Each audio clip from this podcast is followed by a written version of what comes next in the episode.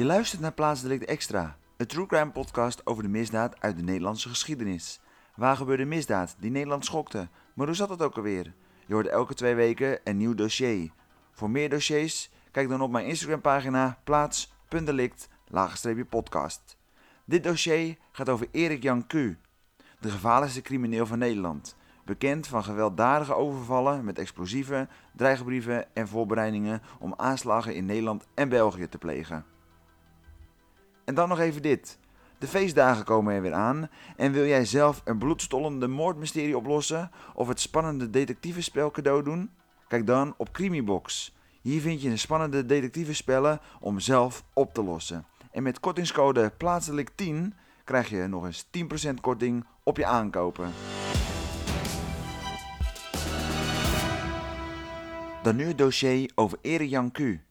Erik Jan Q is op 9 maart 1971 geboren in Hoek van Holland. Hij groeit op in Hoek van Holland en Vlaardingen. Hij woont later tot 1999 in de Belgische Ardennen. Want in dit jaar wordt hij gearresteerd voor overvallen op grenswisselkantoren. In zijn huis in de Belgische Ardennen worden talloze publicaties over terroristische organisaties, vuurwapens, atoombommen en explosieven gevonden.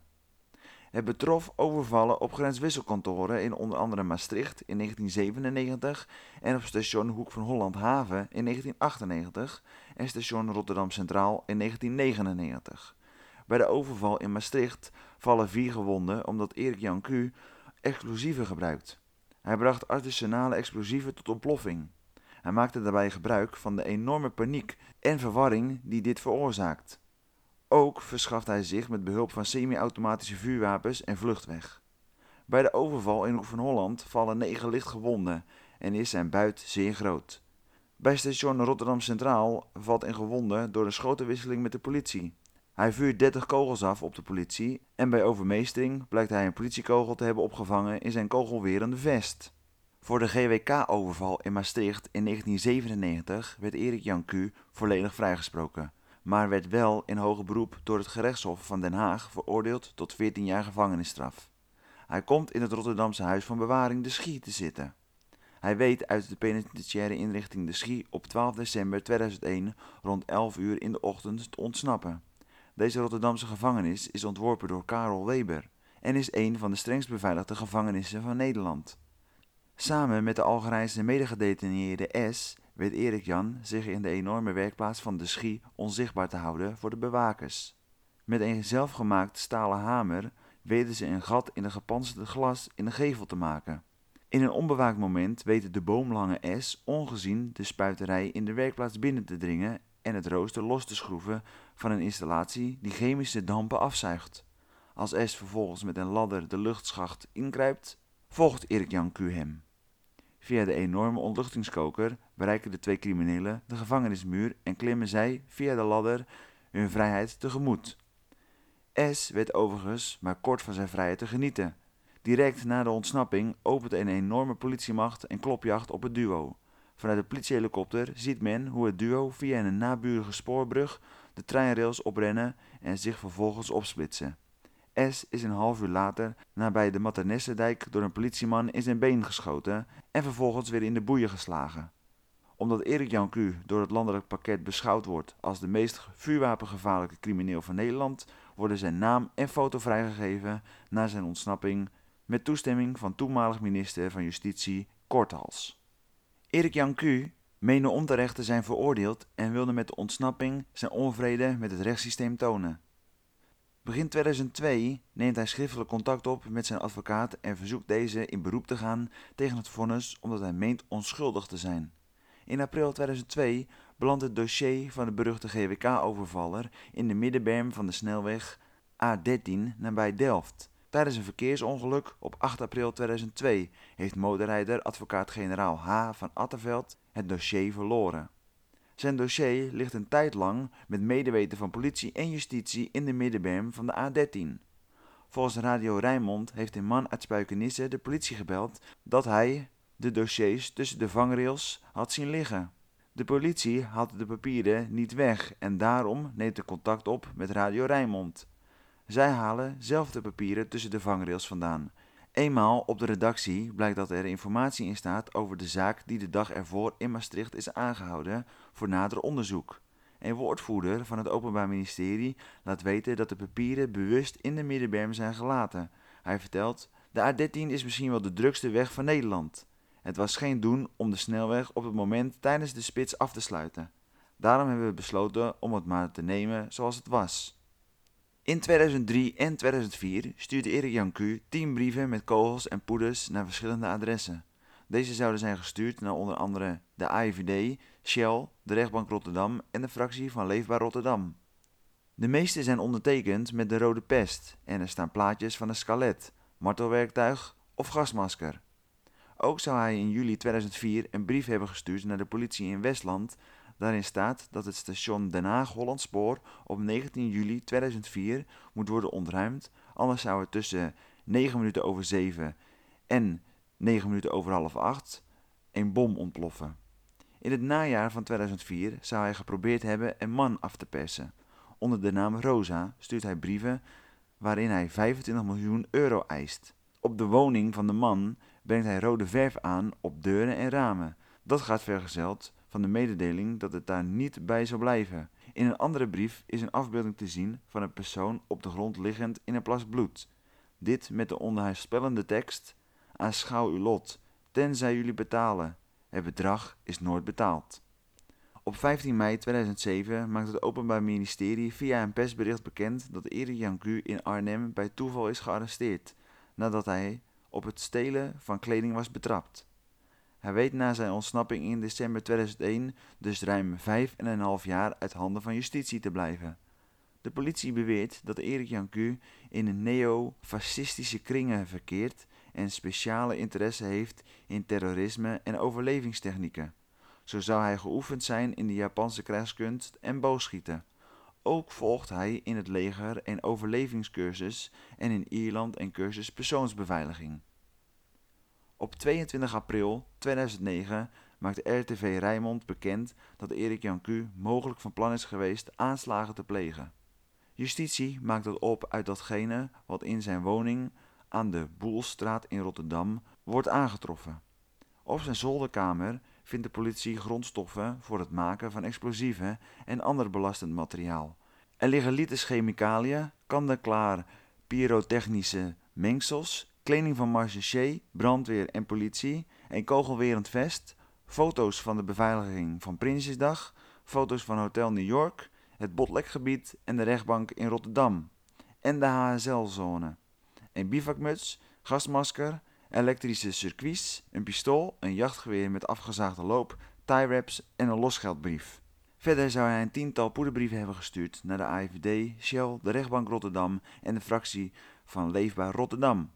Ook is hij verdacht van afpersing en valse bommelding. In een woning in België, die Erik Jan ook gebruikt, vindt de politie voldoende grondstoffen voor de productie van een kilo THTP. Dit is het type explosief dat is gebruikt bij de aanslag op de Londense metro in 2005. Erik Jan Q zit een gevangenisstraf van 14 jaar uit in de extra beveiligde gevangenis in Vught voor de gewelddadige overvallen. Hij weigert medewerking aan een onderzoek door het Pieter Baan Centrum.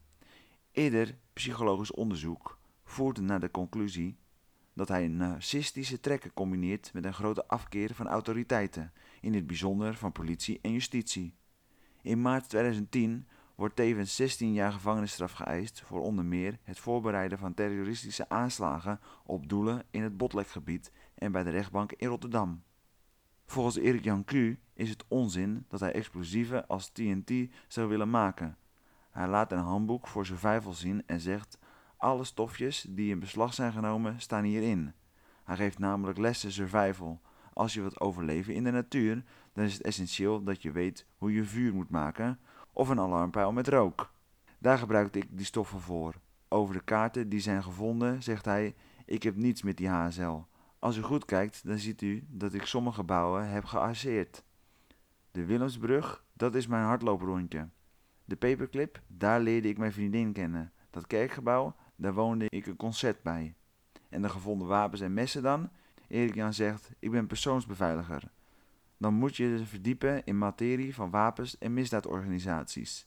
Het Hof vraagt zich wel af waarom niemand dit verhaal persoonsbeveiliger kan bevestigen. Maar ook met die vraag weet hij raad. Dat is ook logisch. Dat werkt is strikt geheim. Het eerste wat ze daar vertellen is Don't tell your mom. De rechtbank legt hem op 12 april 2010 12 jaar cel op. Het gerechtshof in Den Haag maakte daarin hoger beroep op 31 oktober 2012 10 jaar cel en 6 maanden van. Het Hof achtte net als de rechtbank bewezen dat Erik Jan Q. plannen had voor een reeks ernstige misdrijven, zoals moord, brandstichting en ontploffingen. Daarnaast heeft hij poeder en kogelbrieven verstuurd. Het Hof haalt een jaar van de straf af omdat de procedure al zo lang duurt, sinds 2007. Verder krijgt hij een half jaar korting omdat hij al die tijd in de zware gedetineerde regime van Nederland verblijft in de extra beveiligde inrichting EBI in Vught. Erik Jan Q kondigt onmiddellijk aan in cassatie te gaan bij de Hoge Raad. In totaal heeft Erik Jan een celstraf van 24 jaar opgelegd gekregen. In maart 2010 hebben wandelaars in de omgeving van Arnhem verdachte spullen gevonden die volgens het OM van Erik Jan Q zijn. Ze troffen in het bos kopieën aan van stukken uit het strafdossier, kampeermateriaal en lijst met namen van politie- en justitiemedewerkers die werkten aan strafzaken tegen hem en handleidingen waarin staat hoe je explosieven kunt maken. Voor deze bomrecepten zijn grondstoffen nodig die de politie eerder heeft aangetroffen op de schuiladres in Rotterdam. Hij bezat een gasmasker, traangas, een doorgeladen pistool, messen en wurgkoorden. Na de huiszoeking heeft Erik Jan Q. ondergedoken gezeten in de bossen in Arnhem, vermoedt het OM. De verdachte ontkent. De chemicaliën op zijn kamer waren volgens hem voor persoonlijk gebruik, zoals het maken van jam en het verven van zijn haar. Het OM heeft het Nederlands Forensisch Instituut gevraagd onderzoek te doen naar de bomrecepten. Op 27 mei 2011 ontzet Erik Jan Q. Jesse Remmes, een van de veroordeelde hoofdverdachten in de liquidatieproces Passage, die belaagd werd door Mohamed Bouyeri. Mohamed B. is de moordenaar van Theo van Gogh. Mohamed Bouyeri valt Jesse Remmes aan en schopt hem met zijn bergschoenen. Bewaarders laten Erik Jan Q. op de luchtplaats toe en hij stopt de vechtpartij. De directie van de gevangenis heeft Erik Jan bewust toegelaten op de luchtplaats nadat Mohamed Moyeri Jesse Remmes aanviel. Jesse had de directie al eerder gewaarschuwd dat Mohamed B. het plan had opgevat om hem van het leven te beroven. Mohamed B. zou al maanden bokstraining hebben gevolgd en boeken hebben gelezen over vechtsporten. Volgens de advocaten van Jesse Remmes weigerden acht cipiers in te grijpen. Onvoorstelbaar dat dit gebeurt in dit land, terwijl in 1999 in de EBI door een soortgelijk incident een gedetineerde overleed. Ze vindt het ook onbegrijpelijk dat Mohamed Bieri en Jesse Remmes tegelijkertijd werden gelucht. De advocaat stapt naar de Europese Hof met de klacht over het gelijktijdig luchten van Mohamed Bieri en haar cliënt Jesse Remmes. Jesse Remmes heeft aangifte gedaan van poging tot moord. Justitie hoeft Mohamed B. niet te vervolgen voor de vechtpartij tussen Jesse Remmes en Mohamed Bieri. Vervolging vindt het gerechtshof in Den Bosch in april 2012 niet wenselijk. Hij had voor dit incident al twee weken in de isoleercel gezeten. In juni 2013 moeten Jesse Remmes en Erik Jan Q worden overgeplaatst vanuit de extra beveiligde inrichting EBI in Vught naar een lichter gevangenisregime. Dat heeft de beroepscommissie van de Raad voor de Strafrechttoepassing en Jeugdbescherming bepaald, na verzoek van de twee. Justitie ziet niets in overplaatsing naar een lichter regime. Volgens haar zijn beide mannen extreem vluchtgevaarlijk en zijn de gevolgen in het geval van ontsnapping niet te overzien. In het geval van Jesse Remmes wijst justitie erop dat hij na een eerdere ontsnapping in 2004 vrijwel direct nieuwe opdrachten voor huurmoorden heeft aangenomen. Ook zouden er plannen in zijn familie zijn geweest hem met geweld uit de gevangenis in Marokko te bevrijden. Jesse werd daar in 2007 opgepakt. Erik Jan Q is binnen de muren van de EBI al bezig geweest met voorbereidingen zich een weg naar buiten te bannen, meent justitie.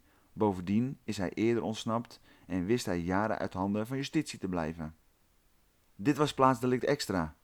Als zeer ervaren beoefenaar van jiu-jitsu, kenjutsu en ninjutsu was Erik Jan Q een aantal jaren actief als docent sensei van een ninjitsu club in Maasluis en Rotterdam, maar gaf ook elders op het noordelijk halfrond trainingen. Erik Jan Kwakkelstein is sinds 2021 weer op vrije voeten. Kijk voor meer op mijn Instagram pagina plaats.delict-podcast. En met kortingscode plaatsdelict10 krijg je 10% korting op de leukste misdaadspellen op crimibox.com. Tot dan!